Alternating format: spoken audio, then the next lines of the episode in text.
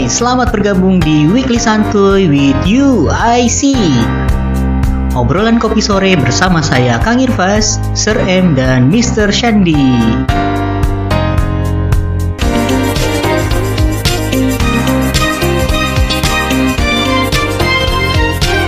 Oke, selamat sore semuanya. Balik lagi ke podcast santuy UIC. Oke, Selamat uh, sore. Sore. uh, jadi saya di sini bersama rekan-rekan saya, Kang Irfas dan Sir M. Selamat sore, Kang Irfas dan Sir M. Selamat sore semuanya, Mr. Shandy, Sir M, semua teman-teman Selamat pendengar. sore semua. Ya, sore. Uh, Oke, baik. Jadi uh, untuk topik kali ini kita akan membahas tentang seputar kuliner, makanan yang tentunya memang kegiatan sehari-hari kita sebagai warga-warga, apalagi warga plus 62 ini. Uh, sehari-hari kita butuh jajan, jadi uh, dan pasti student-student kita juga butuh jajan. Ya, mungkin uh, di sini saya bisa langsung ke uh, Sir dulu ya. Mungkin kalau dari anak-anak desain ini kan di kelasnya nih kalau saya perhatiin kan senang jajan nih anak-anaknya nih. Ya Betul apalagi kan sekali, betul. apalagi Sir M-nya juga senang kuliner gitu kan ya. Ya kira-kira di PPKM ini khususnya di yang uh, pada saat kita terkunci seperti ini di rumah kira-kira apa sih sehari-hari kalau misalkan lagi pengen jajan gimana caranya gitu? Oke, jadi memang kalau namanya anak desain ya, anak kreatif tuh harus selalu ada supply amunisi, tenaga ya, tenaga otak, tenaga fisik juga ya, yang bisa menyenangkan jiwa raga pas mengerjakan tugas.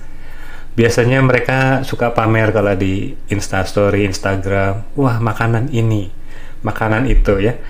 Tapi ada beberapa cerita di kelas, jadi eh, drive thru mereka suka ini suka drive thru biasanya nih kalau dengar cerita mereka ke McDonald ya mungkin mungkin karena McDonald termasuk yang drive thru-nya paling banyak kali ya jadi mereka ke McDonald eh, terus eh, ingat sekali tuh ada yang cerita ke McDonald tuh hanya untuk beli demi apa yang ice cream tuh flurry ya McFlurry ya, Uh, ya. McFlurry ya. Nah, cerita beli itu rame-rame, tapi ada juga yang memang ke sana nyari ayam gorengnya. Saya juga bingung.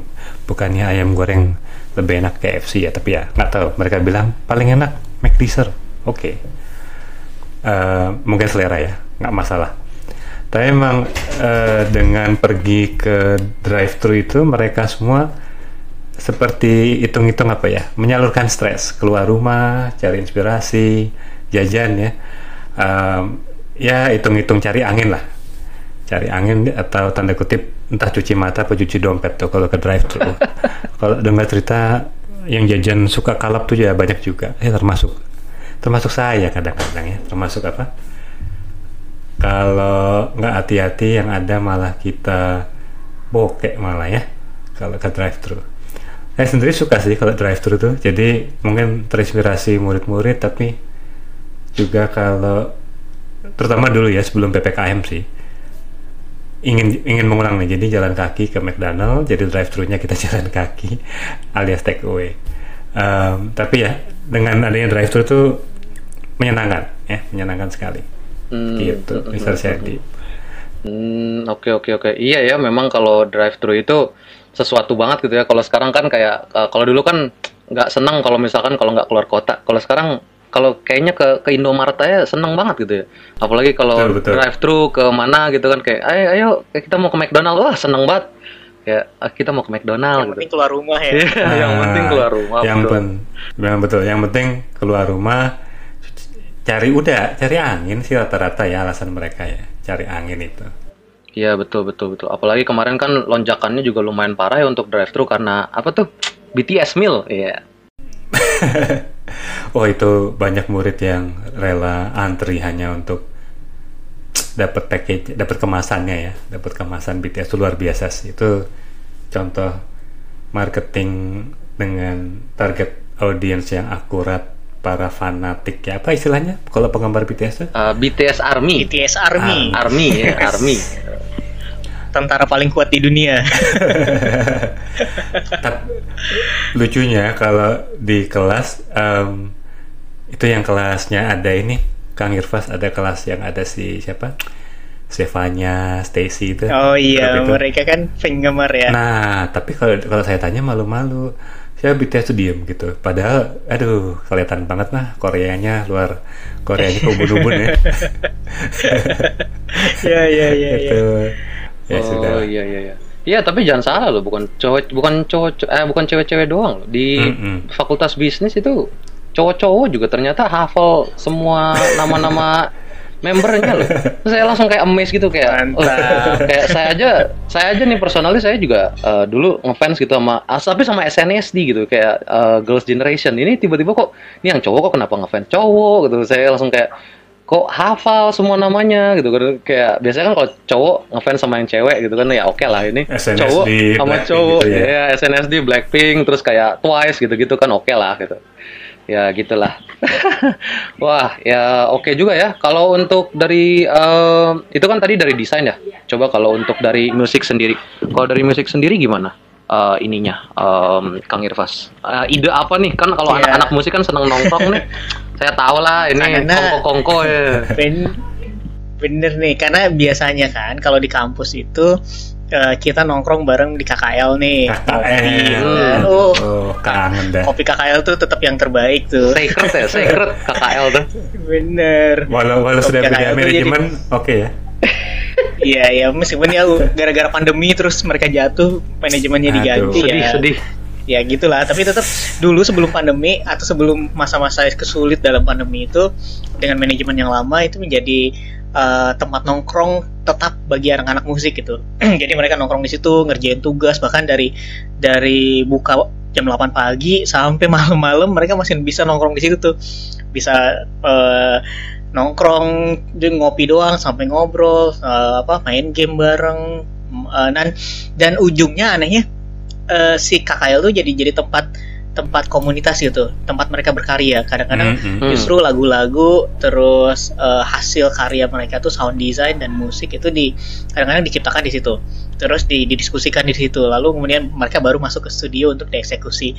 Nah, itu kan eh, sesuatu yang eh, apa ya eh, berjalan selama beberapa tahun dan eh, mem- membahagiakan gitu buat Hmm, anak-anak hmm, musik. betul, betul. Tapi kemudian setelah pandemi kita kita harus berada di rumah semuanya itu ada kesulitan tersendiri. nah, betul betul buat cari makan karena nggak mungkin kita eh, apa eh, berkarya tanpa makan dulu ya kan. Tuh, ya itu Nah. amunisi kan, bensin bensin. betul, Iya, amunisi betul, itu betul. penting banget dan solusinya sih sebenarnya eh, sederhana yaitu membantu abang-abang pedagang keliling Hmm. agar mereka tetap bisa juga cari cari eh, nafkah gitu kan. Ya, Jadi betul. di, keuntungannya sih karena di komplek saya ini adalah komplek komplek yang eh, apa? Komplek yang lebih merakyat di mana para pedagang pedagang keliling keliling itu boleh masuk. Itu sangat membahagiakan sih, membantu banget.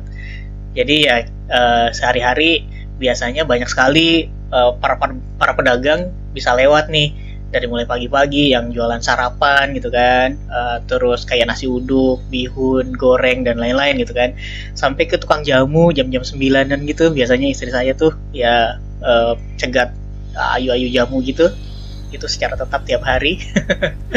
terus sampai sore harinya ada tukang siomay, ada tukang bakso, Iya, iya, iya. bakwan Malang, terus sampai malam, sampai setengah malam itu jam jam setengah 12 itu lewat satu tukang nasi goreng. Biasanya kalau nasi goreng malam-malam tuh enak banget tuh. Hmm, Nasi luar goreng biasa sama biasa. mie goreng itu kan wah itu eh, teman teman begadang. Mie kuah, Jadi mie biasanya tek tek tek tek tek. Nah, itu dia enak banget tuh. Eh, terus ya lewat lagi aneh ya. Lewat lagi tuh jam 2 pagi. Eh, Itu kadang-kadang sesuatu yang memang agak mistis sih, tapi tapi memang beneran ada gitu. Yang Jadi jualan yang apa, tengah malam ya biasanya sih agak melayang dikit lah ya.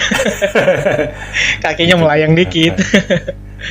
nah, Wow. Iya si si tukang na- biasanya tukang nasi goreng yang tengah malam itu atau jam kan setengah dua sampai jam 2 gitu terus sama yang jualan nas, eh, sate padang sate padang itu juga tengah malam tuh kadang-kadang lewat jam satu gitu kan dan saya biasanya turun kalau masih masih bangun dan kelaparan tengah malam ya udah turun teriak-teriak sama abangnya bang sini bang ya itu itu sesuatu yang sesuatu yang mungkin eh, akan sulit kita kita alami kalau tidak ada ppkm yang ketat ya. Betul, kalau betul, kita nggak ada pandemi mungkin ya kita akan akan abai pada pada kehidupan uh, para pedagang itu. Tapi untungnya karena ya berkah sekali lagi ya, ada berkahnya bagi para pedagang yang mereka me, apa me, melawan melawan resiko ya, me, me, apa mengambil resiko untuk keluar malam jualan meskipun dalam keadaan mungkin cuaca kurang baik atau apa ke keadaan kesehatannya terganggu mereka tetap cari nafkah demi keluarga uh, terus nah, dalam mungkin takut virus dan lain-lain gitu kan tapi ya, betul, karena betul. demi demi keluarga ya ya bisa kita bantu lah dengan dengan jajan di di hmm, mereka hmm, gitu hmm. itu membantu banget sih. Kehidupan sehari-hari karena saya uh, jarang keluar dan biasa di rumah terus kan sampai malam depan komputer terus. Ya itu jadi jajanan yang yang luar biasa membahagiakan sih. Itu bagi saya. ya, abang-abang keliling tetap yang terbaik. Ya. Iya itu emang kalau iya, abang-abang kalau abang-abang keliling memang ini nggak ada ininya ya nggak ada penggantinya ya. Itu juga um, kayak itu juga salah satu yang saya kangenin juga waktu saya di jadi waktu kita ini ya Serem mungkin Serem juga ngerasain kan di Serem kita di negara yang sama ya uh, di hmm, Australia hmm, itu kan ya. nggak ya. ada ya negara apa namanya yang kalau kalau di atas jam 2 malam itu ting ting ting ting nggak ada gitu. Nggak. Jangan kan jam 2 malam dulu tahun ya tahun 2000-an pun kalau mau cari yang begitu kan cuma kalau acara acara tertentu ya jadi yang iya, ada gerobak iya, ya kayak street fair acara Indonesia apa, ya iya betul Indonesia betul gitu. Iya. kalau sehari-hari mah nggak ya memang nggak boleh mereka kan sangat sangat ketat ya aturan kesehatan ada rule-nya bahwa siapa pun yang jualan tuh harus punya sertifikat terus harus mau bertanggung jawab siap beresiko kalau ada keluhan atau apa pun ya jadi ya, ya, ya, tidak ya. semudah di sini kalau mau jualan Iya benar-benar. Kalau di sini ya abang-abang bisa bisa punya modal gerobak atau yang bisa dipanggul gitu, mereka juga bisa jualan dengan, aja, gitu. dengan tapi ya selama selama dia makanannya enak terus apa kesehatannya terjaga gitu kan higienis ya senang-senang aja sih. Karena justru otentisitas otentisitas rasa itu sangat penting sih. Eh, kadang-kadang uh, rasanya nggak bisa nggak bisa sebanding dengan makanan yang ada di restoran kan. Kadang-kadang abang-abang jualan yang jualan keliling itu lebih enak kan yang yang keliling lebih enak, yang jualan di pinggir jalan lebih enak mungkin. Iya benar atmosfer bener. atau memang banget. ada ini ada bumbu-bumbu ekstra ya yang nah bumbunya itu lebih seger kayaknya. Iya. harganya uh, mungkin harganya tidak bisa dan harganya juga iya. Jadi tuh nah, nasi goreng yang bisa lewat biasa lewat itu dengan saya suka suka gini ya suka terenyuh ya ketika, ketika ngelihat mereka uh, dorong dorong dorong gerobak puluhan kilo jalan kaki berkilometer uh, gitu kan. Harganya cuma sepuluh ribu dua belas ribu mm -hmm, itu betul, kan. betul. aduh mereka me, apa ya di saat orang lain istirahat tidur mereka justru cari nafkah gitu. Ya, tapi ya begitulah kehidupan ya. Nah kita ya kita bantu lah. masih dua belas ribu sih sama tuh kang dua belas ribu lima iya sekitar segitu kan dua belas ribuan gitu kan. Itu tuh ya sesuatu yang bagi mereka sangat berharga buat keluarga menghidupi menghidupi keluarga itu kan memberi nafkah itu sangat berarti jadi ya kita yang berada di rumah terbantu juga kita nggak perlu keluar rumah karena situasi kurang uh, lagi kurang baik dan mereka juga tetap dapat nafkahnya gitu Iya benar-benar. Emang nggak terganti. Kayak memang ada beberapa kuliner yang memang harus dibawa kayak gitu sih. Eh, nggak bisa dia kayak uh, kayak kita bisa order dari mana gitu. Tapi tetap aja yang enak tuh yang dari uh, misalkan keliling yang kayak contohnya kayak putu lah gitu kan. Yang kayak tut gitu kan. Nah, iya iya iya benar. Itu juga malam-malam tuh kue putu. Itu, itu itu nggak bisa diganti dengan apa-apa itu. Itu benar-benar iya, iya. harus yang datang ke rumah baru enak gitu iya bener itu ada tuh di setiap malam sekitar jam setengah sembilan atau jam sembilan tukang foto tuh lewat kalau Mister Shandi mau nih boleh ke sini nongkrong malam-malam. Mau aja sih saya. Main sama Naya juga oke okay lah. Kue putu tukang foto itu. bener nih gitu kan ada bunyinya ya. Iya. Yang tut yang gitu. ada bunyinya. Iya ya, ada tut, bunyinya gitu. itu malam-malam tuh jam-jam setengah sembilan jam sembilan lewat Oke oke, jadi itu kalau uh, untuk dari um, musik sendiri itu yang itu ya apa namanya yang um, pedagang abang-abang yang gerobak yang suka lewat-lewat depan rumah yeah. ya. Oh, Iya, Oke. itu sangat membantu di masa Oke sulit. oke oke oke. Kalau misal kalau ini sih kalau kalau saya sih misalkan dari bisnis sendiri ya kemarin kan saya juga sempat tanya-tanya ke anak-anak karena kan eh, anak-anak itu kan ya sama lah mungkin sama hal jadi desain dan di musik mereka juga butuh inspirasi kan ide-ide bisnis dan apa segala macam. Biarpun mereka semuanya kebanyakan memakai otak kiri dan hitung-hitungan tapi kan eh, ada beberapa fakultas eh, ada beberapa major juga yang memang dia butuh kayak marketing itu kan dia butuh ide-ide yang out of the box memang untuk apalagi memasarkan di eh, era pandemi ini gitu kan. Dan beberapa dari mereka kan ada yang memang sudah join dengan bisnis orang tuanya ada yang eh, mungkin udah punya bisnis sendiri gitu kan. Jadi saya suka nanya kayak kalian tuh kalau di rumah tuh kalau lapar eh pengen jajan tuh ngapain sih? Terus mereka bilang eh gampang sir GoFood aja. Sekarang udah banyak ada GoFood GrabFood Shopee Food gitu kan.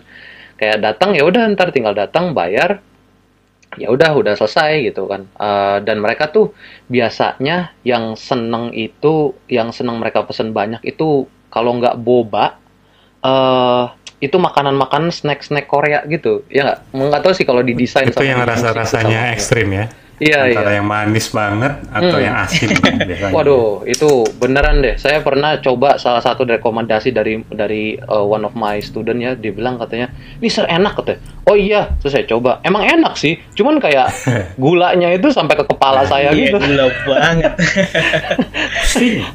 Ngeri, ngeri banget kalau itu ya. Boba tuh kan gulanya tinggi banget. Ah, ah, ah, Iya. betul betul betul. Itu saya yang yang saya pikirin cuman cuman dua kayak itu ini anaknya yang memang taste buds-nya yang kayak gini atau yang saya udah mulai tua gitu. biasa makan sehat ya faktor usia juga iya. Ayo lo. iya.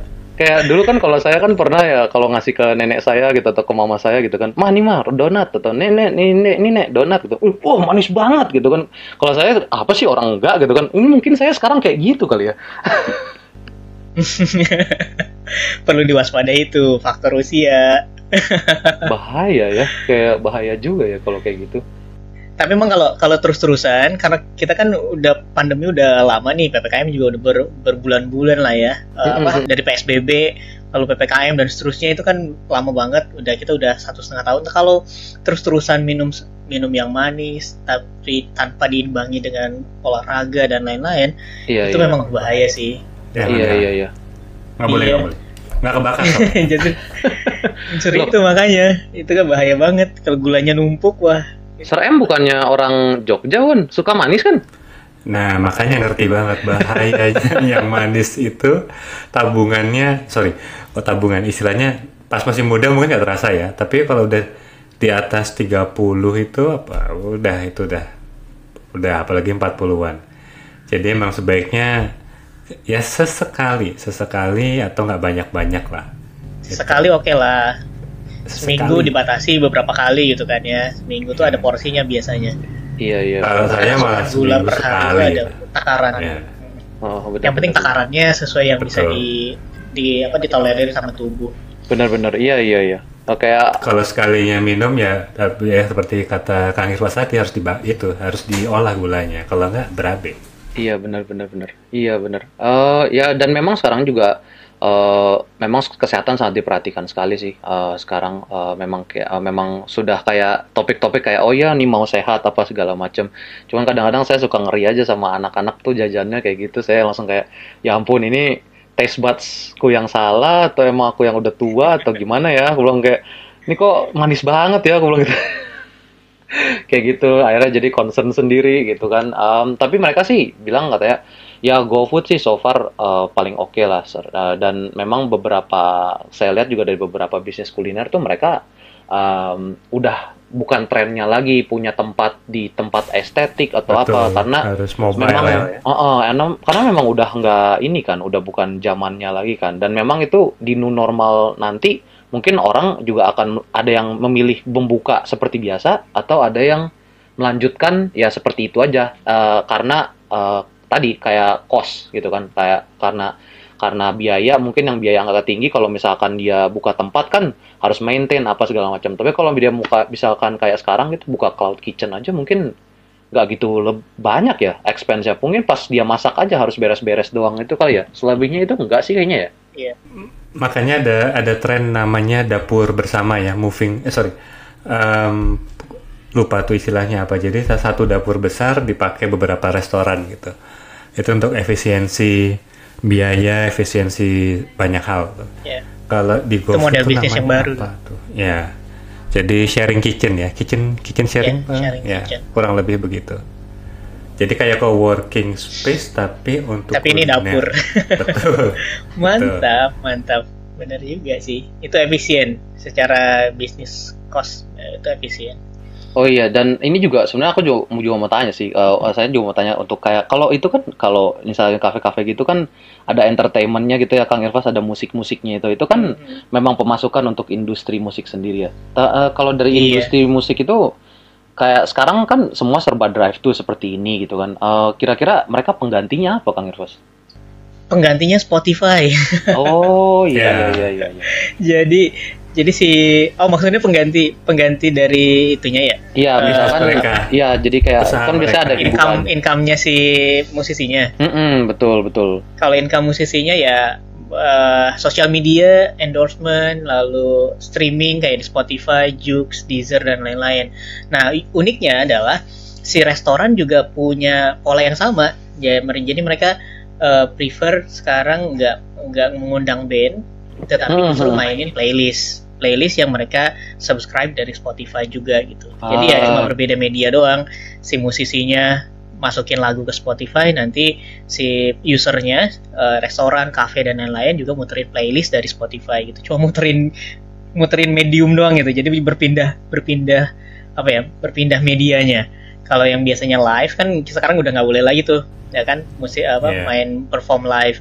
Ya sekarang ya jadi streaming gitu. Tapi secara umum sih eh yang yang paling besar justru pen- pen- pendapatan itu dari dari sosial media. Jadi mereka biasanya pakai plat- platform eh, misalnya TikTok atau ke Instagram atau ke apa gitu yang yang dia bisa menjaring endorsement dari Patreon, dari apa eh, banyak sekali eh, platform yang dia bisa eh, audiens itu bisa bayar untuk mendengarkan eh, lagu gitu kan. Mendengarkan tidak hanya mendengarkan rekaman tetapi mendengarkan live gitu bahkan di YouTube sendiri kan sudah ada tuh uh, fiturnya kalau kita mau bikin konser secara virtual terus Mm-mm. itu bisa orang-orang bisa bayar dulu bayar tiket berapa dolar gitu kan. Itu bisa di setup Ah Atau iya. di- iya. di- ya atau Karena mereka bayar lebih untuk untuk request lagu misalnya.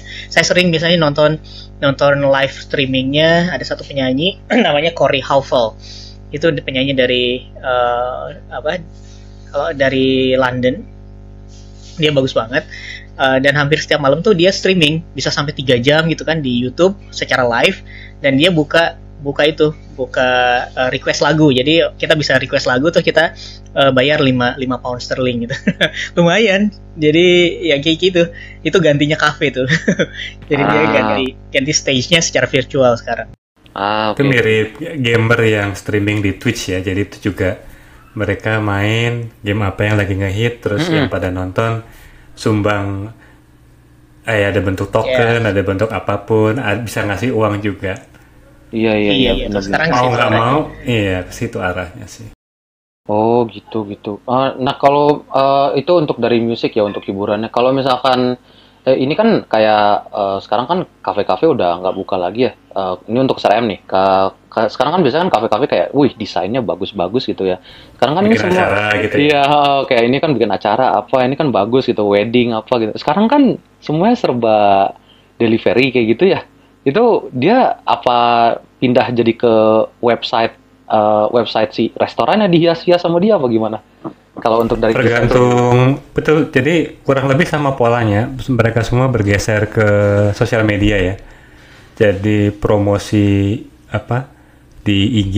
Jadi ya apa mengandalkan mengandalkan foto, grafis. Tapi sayangnya memang kalau ini ujung-ujungnya tergantung restorannya sendiri. Iya sih. Kan budget makin tipis nih. Hmm, betul betul. nggak budget tipis aja untuk desain tuh promosi tuh suka jadi nomor kalau ada 12 urutan budget dia nomor 13 lah. Atau kalau perlu nomor 15 kan gitu. Alias udah pinggir sekali. Kecil banget budgetnya. Kecil banget ya kan? Eh, jadi ya itu agak kasihan kalau yang ngandalin itu kecuali memang eh, biasa yang besar-besar tuh mainnya ini apa eh, in-house designer. Ya, mereka udah punya desainer sendiri. Kalau tadi sebenarnya menarik tuh. Kalau yang untuk acara wedding sekarang malah laku keras yaitu virtual kok virtual sorry live wedding ya live wedding jadi kalau dari sisi desain yang bisa mo- motion graphic terus setup video Pelaminan live ya. nah Pelaminannya itu- sekarang pakai green screen. nah itu yang jadi raja sekarang tuh iya iya. Jadi- Jadi motion graphic ya ininya. betul itu sangat-sangat di- ditunggu sekali. Yang bisa mengoperasikan OBS dan sejenisnya Ah, oke. Seperti kita dong. nah kita selalu pakai OBS. Meskipun mukanya nggak kelihatan. Iya iya kemarin kalau kemarin juga ada beberapa memang saya datang ini sih eh, virtual virtual wedding kan eh, teman-teman saya saya bilang kayak ini tinggal kurang kulinernya aja biasanya saya tuh keliling-keliling gitu kan kayak coba satu Iya. makanan nyoba lagi nyoba lagi sekarang kan nggak bisa dia delivery satu-satu dong abangnya keliling-keliling. Virtual. dibayangkan saja ya Iya dibayangkan saja lah kan yang biasa kayak waduh ini kambing guling enak banget ya terus ada Hmm. segitu kayak ini nasi goreng apa gitu Hmm. udah enak gitu udah es enak puter ya. Mirip seperti kemarin iya minggu minggu lalu kita bahas uh, virtual virtual vacation ya. Kita mungkin bisa bisa tergantikan secara Mm-mm. visual, tetapi uh, indera yang lain akan akan kekurangan kayak indera penciuman ya kan. ya, tetap ya kan? terbutakan nggak bisa tuh kalau di prasmanan kan kita mencium banyak banyak bau-bau wangi-wangi dari makanan kan ya. Wah ada ini ada ini ada ini. Itu yang bikin kita tergerak. Jadi kalau yang weddingnya jadi virtual ya kita mungkin secara vis, vis- secara visual kelihatan wah ini enak nih bagus nih. Tapi rasanya dan wanginya itu tuh nggak akan bisa tergantikan kali Iya, betul betul betul betul. Memang kalau uh, apalagi khususnya untuk kuliner yang mancanegara gitu ya, yang keluar-keluar gitu kan, ya nggak mungkin dong di delivery pakai pesawat gitu kan, jauh-jauh gitu. Kecuali kayak beberapa ya, kayak misalkan kalau saya kangen tim tam gitu kan, saya order aja dari teman saya yang di Aussie gitu kan, datang aja sini gitu, oh, apa namanya, uh, kirim sini ke saya gitu. Kalau saya saya biasanya kayak gitu. Cukup gambarnya aja ya kali ini ya. gambarnya doang Mm-mm, cukup gambarnya. oke oke oke sip Oke. oke oke baiklah kalau begitu mungkin kita akhiri dulu sesi untuk podcast eh, sore ini. Eh, ya em, topik yang eh, hari ini memang lumayan menarik dan eh, minggu depan kita akan coba kembali lagi dengan topik yang eh, lebih menarik lagi. Eh, mungkin ntar eh, nanti eh, nanti akan kita announce. Oke. Em, ya baik. Terima kasih untuk Kang Irfas dan Sir M untuk waktunya nih di weekend weekend Sama-sama. ini ya, hari Minggu leha-leha nih. Tiba-tiba ini kan di eh, podcastnya menyempatkan Ya, waktu. terima kasih biasa. banyak Bisa Shandi, Sir M, seru ngobrol hari ini. terima ya kasih terima kasih. semua. Ya terima kasih semuanya. Sampai, Sampai jumpa minggu depan. sampai jumpa minggu depan